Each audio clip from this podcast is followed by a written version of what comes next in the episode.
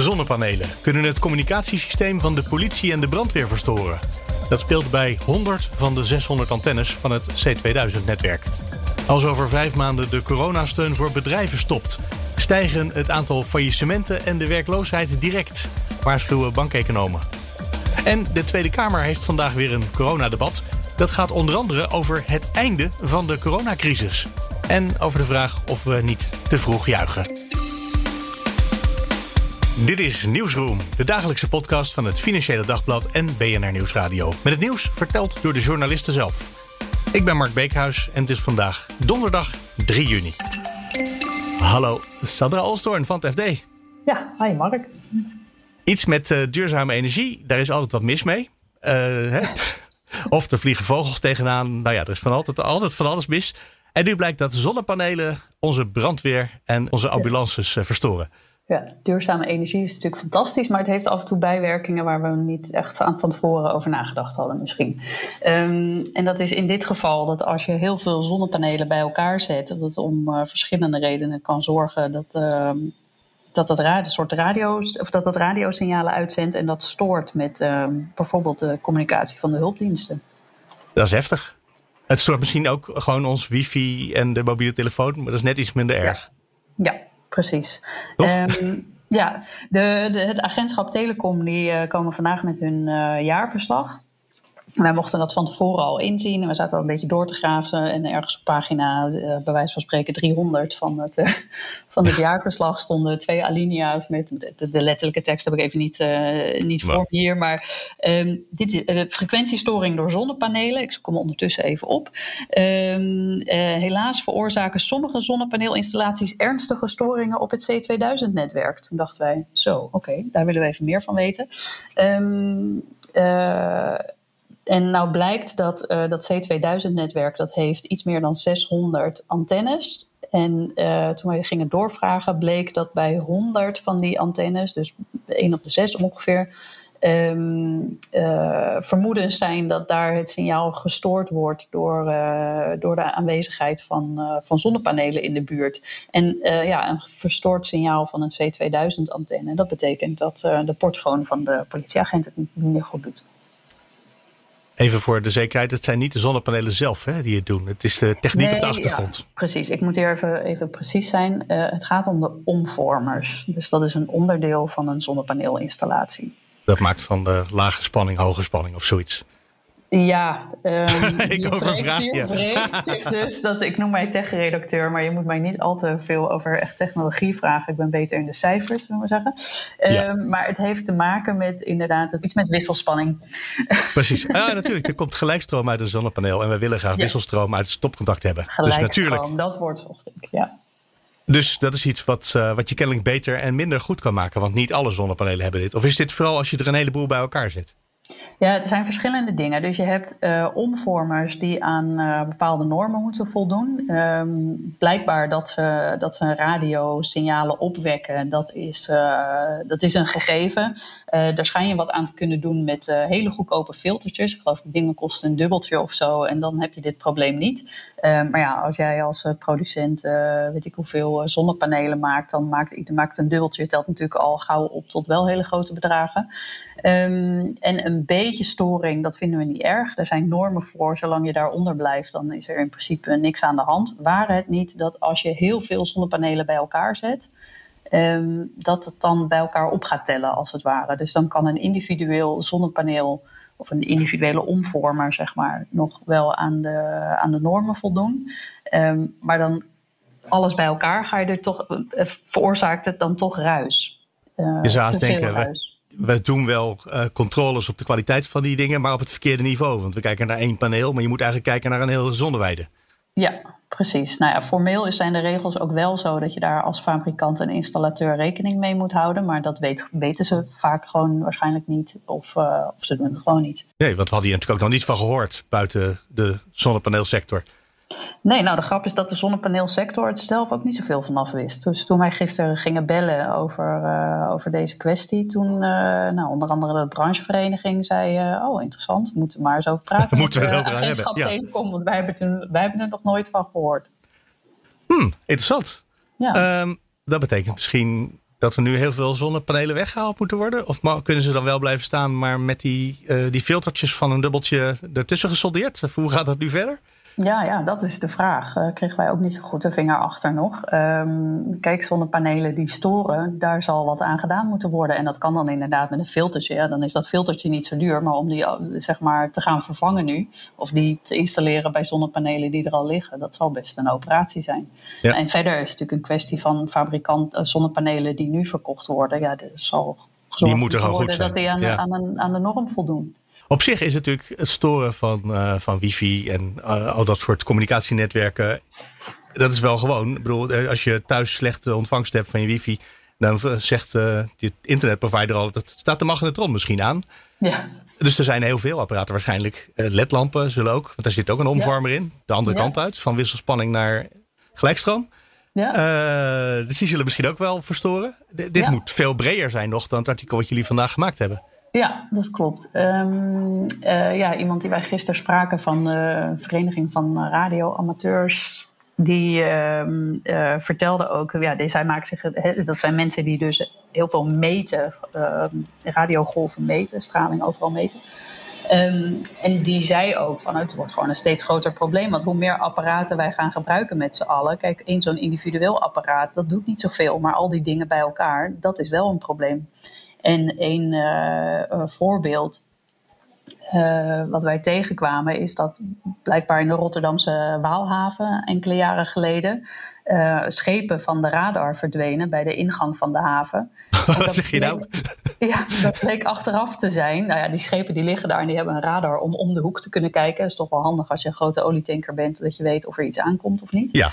Um, en die bleken, dat, dat signaal deed het niet meer. En de oorzaak bleek, te, bleek hem te zitten in, uh, uh, bij de monding van de haven was een atelier en daar had een kunstenaar iets gemaakt met een snoer met ledlampen. En die, dat snoertje zorgde voor de verstoring van dit systeem. Waanzin natuurlijk. Ja, dan zal je, je maar met je olietanker uh, net om de hoek varen terwijl er tegenwoordig tegemoetkomend ja. verkeer is. Ja, precies. Nou, en het probleem is ook niet helemaal onbekend, want in 2019 was dat, hadden we een groot economisch forum, uh, het World Economic Forum in uh, Den Haag, waar uh, koningin Maxima was daar en Ivanka Trump kwam toen langs. en dat, daar stonden ook zonnepanelen op het dak en die zijn toen tijdelijk uitgeschakeld, omdat ook toen wel duidelijk was dat dat ehm, er was natuurlijk heel veel uh, politie op de been dat, uh, dat hun communicatiesysteem dan verstoord zou kunnen worden. Dus het probleem is al wel langer bekend. Maar ja, het punt is natuurlijk dat de, hoeveelheid zonnepanelen ja. enorm toeneemt. En dit was het jaarverslag. Dus in de, komend jaar, in de komende maanden gaat waarschijnlijk dan de politiek hiermee aan de slag, hè? Uh, ja, nou nu is eerst het agentschap Telecom uh, staat ook in, uh, in het jaarverslag dat ze nu een procedure zijn begonnen tegen een producent van, eh, van die onderdelen. Waar het om gaat. En uh, ja, die zal, dat schijnt ook wel vaker te gebeuren. Um, wat ze kunnen doen is ja, zo'n producent verplicht om onderdelen te vervangen. En ehm, nou ja, zich natuurlijk om ze aan de normen te houden. En uiteindelijk kunnen, kunnen er boetes opgelegd worden. Dus er wordt, wordt wel op gehandhaafd. Maar ehm, allicht uh, zal dat wat strenger gaan gebeuren. Kost altijd wat tijd, ja. ja. Oké, blijf het volgen. Want dit is wel... Ja, aan de ene kant we willen die zonnepanelen. Maar ja. aan de andere kant we willen ook graag dat de brandweer komt als we ze bellen. Ja, ja, kijk, het goede nieuws is natuurlijk dat het met zo'n filtertje blijkbaar uh, relatief goedkoop op te lossen is. Maar dan moet het er wel gebeuren. Ja, iedereen is soldeerbaar even bij de gamma halen en dan aan de slag. Zoiets. Dus dat de helft Dankjewel. Jo, dank je. Doeg. Hallo, Diederik de Groot. Hi Mark. Van BNR Nieuwsradio. Uh, wat uh, verontrustende kop lees ik op, uh, op onze website. En een vergelijkbaar bericht hoorde ik op de radio vanmorgen. Nederland wacht een stijging van het aantal faillissementen en de werkloosheid. Dus wordt dit een opgewekt gesprek, denk je?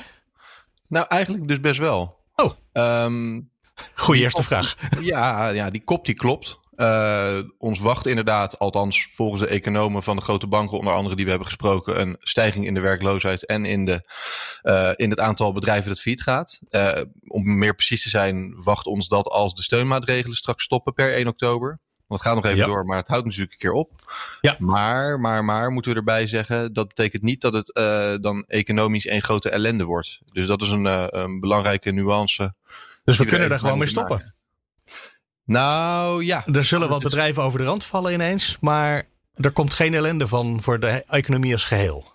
Nee, maar, maar, maar. Uh, het toverwoord hierbij is dan maatwerk, horen wij van de economen. Aha. Want wat we natuurlijk niet willen, is dat bedrijven die we de hele crisis hebben gesteund, uh, we, dat bedoel ik met belastinggeld, de overheid, ja. uh, dat die bedrijven die in principe wel levensvatbaar zouden kunnen zijn, maar dankzij de crisis en de gevolgen van de crisis, waar zij in principe niet, zelf niet per se iets aan kunnen doen, dat die dan straks alsnog failliet gaan, waardoor het eigenlijk weggegooid geld is. Uh, en daar, zeggen de economen, zou je eigenlijk gewoon maatwerk voor moeten bedenken om die dan toch op bepaalde manieren er doorheen te trekken, waardoor je niet zo meteen uh, alleen het kaf van het koren scheidt en dat het, uh, het kaf dan niet alleen bedrijven zijn die toch al om zouden vallen. Want dat is eigenlijk waar het om gaat. je hebt een hoop bedrijven, bijvoorbeeld, die ook zonder corona eigenlijk al niet meer levensvatbaar waren, maar die je dankzij corona wel hebben gered. Ja, dus daar zou je eigenlijk economisch gezien vanaf willen.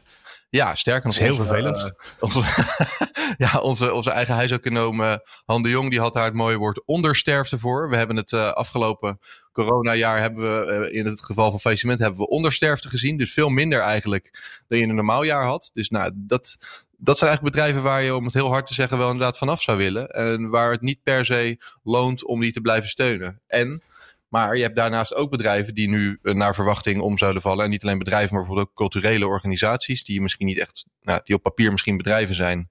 Maar die we dan uh, nou, niet per se zo zien. Maar die ook het niet meer uh, zullen redden waarschijnlijk. Terwijl dat in een normale situatie niet het geval zou zijn geweest. Dat heeft er dan ook bijvoorbeeld mee te maken dat die dan weliswaar straks weer open mogen. Sterker nog, vanaf dit weekend.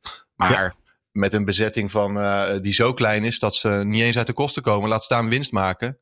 Eh, dus dat gaat nog wel even wat langer duren voordat die uh, op een manier kunnen gaan draaien, zodat ze het zelf het hoofd boven water kunnen houden. Maar dan hoorde ik jou een heel beladen woord zeggen net, het woord uh, maatwerk. En uh, gisteren was er een debat over de steunmaatregelen in de Tweede Kamer. Waar Stef Blok, die tegenwoordig minister is op dat gebied, uh, bij hoog en belaag volhield. Maatwerk, dat bestaat niet in dit vak. Dat doen we gewoon niet aan. Nee. Nou, dat heeft de overheid inderdaad het afgelopen het coronajaar, ik herhaal het woord nog maar eens wel, eh, getoond dat dat inderdaad lastig is. En het is natuurlijk ook zo, hè. Als je alle bedrijven van Nederland ongeveer moet helpen, kan je moeilijk ook nog daarbinnen uh, gaan zeggen als overheid van we gaan en voor die en die gaan we weer een aparte regeling maken. Uh, dus dat is ook lastig. Dus er wordt ook daarin gewezen naar bijvoorbeeld de schuldeisers. dat daar dan het maatwerk gelegd moet worden. Ja, kijk, een schuldeiser heeft er natuurlijk ook uiteindelijk weinig aan uh, als je door je houding uh, ervoor zorgt dat een bedrijf dan maar gewoon een faillissement aanvraagt. Dan kan je ook fluiten naar je geld in principe. Of misschien ja. kan je nog wat van de, van de, uh, ja, van de inboedel die dan wordt verkocht, die zal dan naar de schuldeisers gaan. Maar dat is natuurlijk lang niet alles. Nee, meestal is dat niet dus, winstgevend inderdaad. Nee, dus, dus, dus er wordt niet alleen naar de overheid gekeken hiervoor. Het zal vanuit het hele veld moeten komen. En bijvoorbeeld ook in een bepaalde sector zullen ze zelf maatregelen moeten nemen, zullen ze zelf plannen op kunnen stellen. en dan moeten we dus kijken of zometeen als die steunpakketten zijn gestopt zoveel mogelijk bedrijven waarvan we in ieder geval niet vinden dat die over de kop zouden moeten gaan, uh, dat die dat ook niet gaan. En je noemde al een paar voorbeelden, vooral de cultuursector die het nog lastig gaat hebben. Dus dat zijn waarschijnlijk de theaters. Want ja, je ja. mag niet met heel veel mensen naar het museum, maar uh, daar kan je nee. toch nog wel een redelijke doorstroom, nog wel flink wat mensen doorheen hebben. Maar als je maar 30 man in je zaal mag hebben, ja, dan is het natuurlijk heel moeilijk om met 15 man op het toneel te staan onze collega verslaggever eh, Hugo Reitsma is bijvoorbeeld langs gegaan bij het Zuiderstrandtheater. Ja. Uh, en daar uh, kunnen ze geloof ik inderdaad 50 man in de zaal. Terwijl zij zeggen van ja, wij moeten echt 80% bezetting hebben, willen we ongeveer kiet spelen. En daarboven kan je dan een beetje winst maken. Nou, dat wordt nu lang niet gehaald. Dus de komende maanden blijven die gewoon nog verlies draaien. Afhankelijk van hoe snel het allemaal weer wel mag. Uh, dat is inderdaad een sector die het zwaar zal krijgen. De horeca, want daar zijn heel veel schulden gemaakt. Die zijn natuurlijk gewoon voor het grootste gedeelte helemaal dicht geweest kosten zijn doorgelopen. Daar is wel tegemoetkoming voor, maar dat kan je niet allemaal dekken. Uh, en ook wel uh, sectoren, dat hebben we nog helemaal niet benoemd, maar er zijn ook sectoren die echt zullen moeten herstructureren na corona, omdat we ook gewoon dingen anders gaan doen bijvoorbeeld de kantorenmarkt en alles wat daarbij komt kijken. Oh ja. Die zullen niet per se uh, um, weer in de situatie terechtkomen in de gunstige markt waarin ze zaten voordat deze crisis begon. Want we gaan niet allemaal meer naar kantoor. Dat is gewoon de verwachting. En ook zie je nu al gebeuren dat bedrijven dat ook zeggen. En dat is zomaar een voorbeeld van een sector naast die andere waar we misschien nog niet even aan gedacht hadden. Ja. Um, dit zeggen nu die bankeconomen. Uh, we moeten rekening houden met faillissement en met werkloosheid. En uh, nou ja, reorganisatie in sommige sectoren kennelijk ook. Is dit iets wat de politiek al, uh, ja, hoe heet dat, het, zich eigen gemaakt heeft, doorvoelt? Dat ze weten dat ze hier dus iets mee moeten? Ja, dat is ook wel in dat debat naar voren gekomen. Er werd bijvoorbeeld door Wiebren van Haga, die heeft natuurlijk een ondernemersachtergrond, ook op gehind. Van, nou, er gaan toch over vastgoed gesproken, ja. Over vastgoed gesproken. um, dus nee, ja, natuurlijk weten ze dat. En het is ook redelijk elementaire logica in die zin. het is alleen nog niet echt naar voren gebracht hiervoor van, oh ja, we gaan die faillissementsgolf. hoe hoog die golf is, moet nog blijken. Maar hij gaat natuurlijk wel een keer komen. We hebben het heel lang uit weten te stellen. Maar wat gaan we nou zo meteen doen als hij komt? Vinden we dat, dat, vinden we dat dan erg? Nou ja, het antwoord is dus eigenlijk, we vinden het deels erg. Ja. Um, uh, het positieve overigens, want daar ben ik nou nu niet eens aan toegekomen. Maar het positieve hieraan um, is in principe dat er ook wel wordt gezegd, bijvoorbeeld door onze eigen handen jong, en die vertrouwen wij natuurlijk het meest, dat het wel heel erg mee zou kunnen vallen. Dus dat we, uh, het komt er wel, maar het wordt sowieso minder erg dan dat we het al die tijd hebben gevreesd. Want hij zegt ook, ja, in die hele crisis hebben we zo vaak een voorspelling gehoord van economen van er komt nu een faillissementsgolf aan. En hij is er eigenlijk nooit gekomen. Uh, en daarnaast uh, zegt hij, naast wat Klaas Knot bijvoorbeeld zei van de Nederlandse Bank, er komt, als we helemaal weer open gaan, komt er zo'n enorme uh, economische boost aan. Het gaat zo, het gaat zo snel weer groeien. Um, dat dat heel veel klappen opvangt. Dus dat dat eigenlijk die positieve vibe die de economie gaat krijgen, die positieve schok, dat dat eigenlijk overheersend wordt. En dat dus misschien natuurlijk het aantal faillissementen en de werkloosheid die wat zal oplopen, dat dat dan heel snel weer gecompenseerd wordt. Wat we ook horen is dat gewoon het aantal vacatures weer enorm toeneemt. Dus dat er op de sites waar je een baan kan zoeken, daar is de keuze weer reuze. Um, dus dan moeten er uh, inderdaad wel wat uh, verplaatsingen uh, werktechnisch plaatsvinden. Dus dat er in andere sectoren wat minder werk zou komen, in andere sectoren misschien wat meer. Dus je praat over een herstructurering van de economie, waar ook slachtoffers in vallen. Wat heel vervelend is voor individuele bedrijven en ook mensen. Maar ja. dat het algehele plaatje, dat dat misschien helemaal niet eens zo negatief is. Nou, deze toch een beetje opgewekte zin, laten we daar dan bij afsluiten. Ja. Direct de Groot. Dankjewel. Graag gedaan. Hallo, Thomas van Groningen van BNR. Hi, goedemorgen. Vandaag weer een uh, groot coronadebat. En zeg ik het iets te optimistisch als ik denk dat het gaat over het einde van de coronacrisis? Uh, onder andere. Er zat, eigenlijk stiekem best wel veel op de agenda vandaag. Het is echt een beetje een allegaartje, dit coronadebat. Het einde van de crisis is echt een thema, omdat het eigenlijk een thema gemaakt is. Uh, de afgelopen weken, ik moet zeggen dat ik daar zelf ook een beetje aan bijgedragen heb door bij de laatste coronapersconferentie aan, uh, aan, aan Hugo de Jonge, de minister, te vragen. Wanneer kan de mondkapjesplicht er eigenlijk af en wat verwacht u? Um, en, en wanneer verwacht u dat we uh, weer de anderhalve meter kunnen loslaten? Definitief overal. Daar zei hij tegen mij, zei hij, ik wil daar komende maand over met de Kamer in debat. Uh, maar ik verwacht ergens na de zomer. En toen zei hij twee dagen later bij WNL op zondag.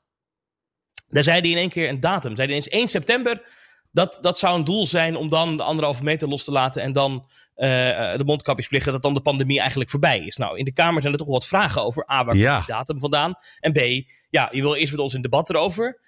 Uh, maar dan vervolgens roep je een paar dagen later op televisie al uh, een datum. Zonder met ons erover in debat te zijn geweest. Dus. Nou, en sterker, het is natuurlijk ook gewoon de minister die wel vaker een optimistische datum de wereld ingeslingerd heeft.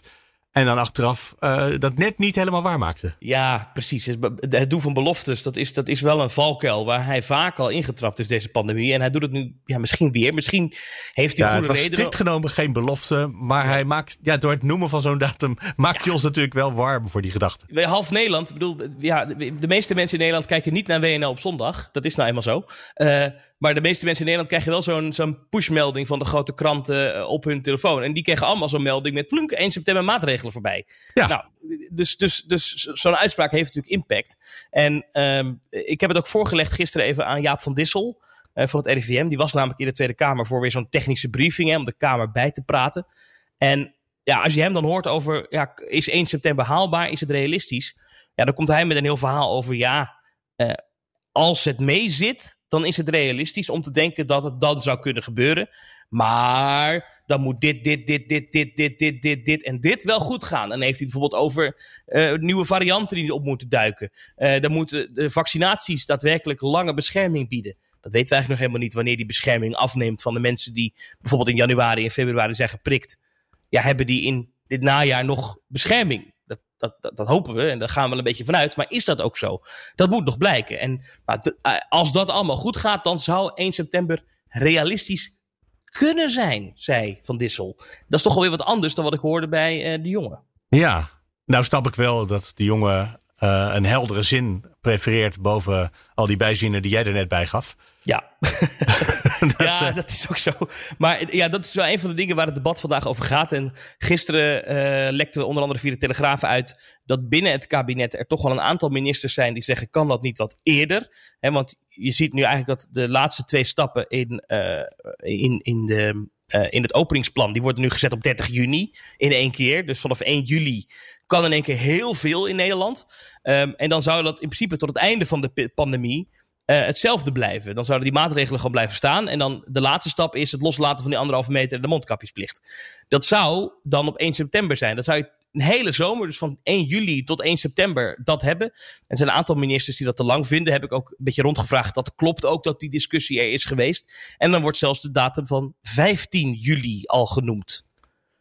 Ja. Dat is ineens verrassend dichtbij dat gaat erg snel. Maar ik moet nog zien of dat ook daadwerkelijk zo is. Ik denk dat vandaag in de Kamer daar wel een aantal uh, Kamerleden naar zullen vragen. Van ja, wat is dat nou, die 15 juli? Waar komt die datum vandaan? Hoe, hoe zeker is dat? Um, we horen al wel bijvoorbeeld een Wilders van de PVV. Die zegt, nou ja, dat, dat zie ik wel zitten. Die, die zegt zo snel mogelijk alles loslaten. Want de, de druk op de zorg die neemt ons gek af. Het, het hoeft niet meer. Dus laat het nou los. Ja. Uh, die discussie gaan ik we vandaag Ik zit ook te denken, hier in de wijk waar ik woon uh, zijn mensen al begonnen met het versoepelen. Heb ik al, is altijd mijn, op, mijn niet druk. En in het openbaar vervoer was dat mijn uh, idee ook al een beetje. Dat mensen al begonnen zijn met het versoepelen. Ja. Uh, met mondkapjes toch weer gewoon onder hun kin. Want dat is een prettigere plek kennelijk. ja, dus misschien dat het land er ook wel zoveel aan toe is. Maar dan moet het wel kunnen.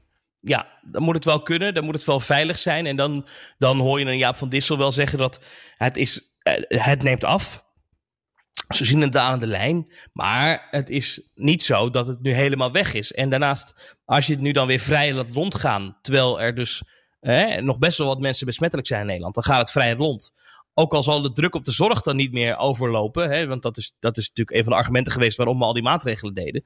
Dan is nu het argument, ja, maar mensen kunnen er ook nog wel echt goed ziek van worden. Mensen die long-covid hebben, die dus lange tijd langdurig ziek zijn van corona. Ja, wil je mensen dat op grote schaal aandoen? Uh, of zeg je, doe nou even rustig aan totdat het echt weg is. Uh, want dan weet je zeker dat die mensen ook niet meer ziek worden. Dus die discussie zal je vandaag ook nog krijgen. Ik weet niet of je het gezien hebt, maar Wim Schellekes die schreef een stuk ook in NRC. Eh, dat is natuurlijk een van de mensen van het Red Team. Dat ongevraagd de regering met adviezen bestookt. En die zegt, ik mis een lange termijnvisie. we kunnen er niet vanuit gaan dat het in september allemaal klaar is. Daar moeten we plannen voor maken voor als het niet is. En als het wel is, misschien moeten we ook plannen voor hebben. Um, Jaap van Dissel die had op zaterdag ook al een stuk in NRC eh, geschreven. En die zei toen... Ik denk dat we een nieuw doel moeten hebben. Want tot nu toe kijken we alleen maar naar de IC-capaciteit. Maar dat is misschien niet meer het criterium waar we nu alles op moeten beoordelen. Misschien moeten we het hebben gewoon over het aantal mensen wat überhaupt besmet raakt. Wat jij ook een beetje zegt. Hè? Het aantal mensen met long COVID, uh, wat die lange COVID heeft. Hangt daar natuurlijk één op één mee samen. Want als je het niet krijgt, krijg je ook de lange versie daar niet van. Uh, dus ik, Klopt het dat, dat ze nog een beetje zoekende zijn naar wat ze nou eigenlijk voor de tweede helft van het jaar aan moeten met die crisis? Zeker. Wat, wat vinden we acceptabel straks? Die vraag, dus dat doel van Van Dissel, dat heeft hij gisteren ook weer een keer herhaald uh, bij de pers. Van, uh, en, en het grappige is, dat vind ik interessant, is dat hij dan eigenlijk niet zegt: Ik vind dat dit het doel moet zijn. Hij zegt: Nee, vertel mij wat het doel is. Het vorige doel was: We moeten ervoor zorgen dat uh, de samenleving niet onder druk op te staan, omdat de zorg instabiel wordt. Nou, dat hebben we nu voorkomen, kunnen we zeggen.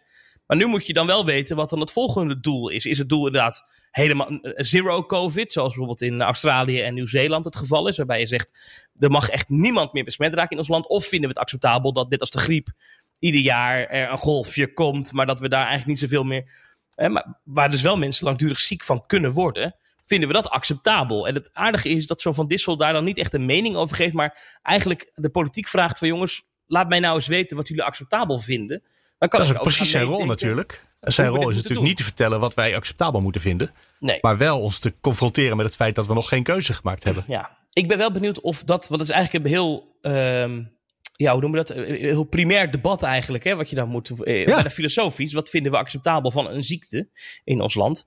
Ik vraag me af of we dat debat ook daadwerkelijk gaan krijgen vandaag. Ik heb zo vermoeden dat we vandaag toch meer een debat gaan krijgen waar dit wel in zit. Maar dat het toch ook veel zal gaan over gele boekjes. Want er zijn mensen die graag hun vaccinatiestempel in een geel boekje willen.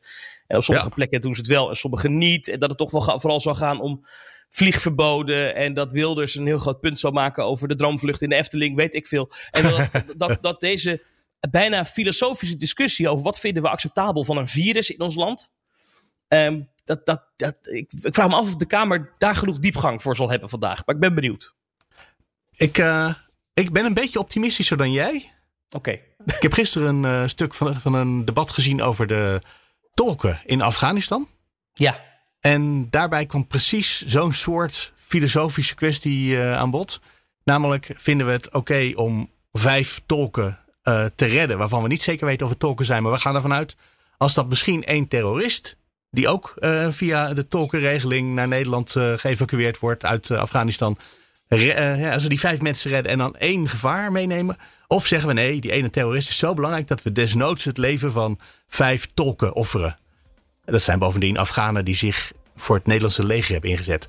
Daar ging het over. Nou, dat is precies zo'n. Uh, ja, je zegt filosofisch, maar het is toch ook wel een hele ethische ja. en praktische kwestie. Nee, dat is medisch-ethisch wordt, het eigenlijk, uh, wordt deze discussie eigenlijk. Vinden wij het oké als de overheid zegt, nou, er zullen een aantal mensen ziek worden? En dat vinden we dan oké. Ik hoop toch een beetje op uh, dat die vraag vandaag in het debat zit. Maar we gaan het vandaag meekrijgen. Thomas van Groningen, dankjewel. Graag gedaan. En daarmee komen we aan het einde van deze nieuwsroom voor vandaag. Morgen zijn we er weer, dan is het vrijdag. Dus dat betekent dat er morgen een aflevering is van Nieuwsroom Den Haag. Dan hoor je, net als vandaag, ook Damas van Groningen weer. Graag tot morgen. Oh, en je kan natuurlijk reageren als je vragen, opmerkingen, suggesties, correcties hebt. Mail naar nieuwsroom.fd.nl of nieuwsroom.bnr.nl.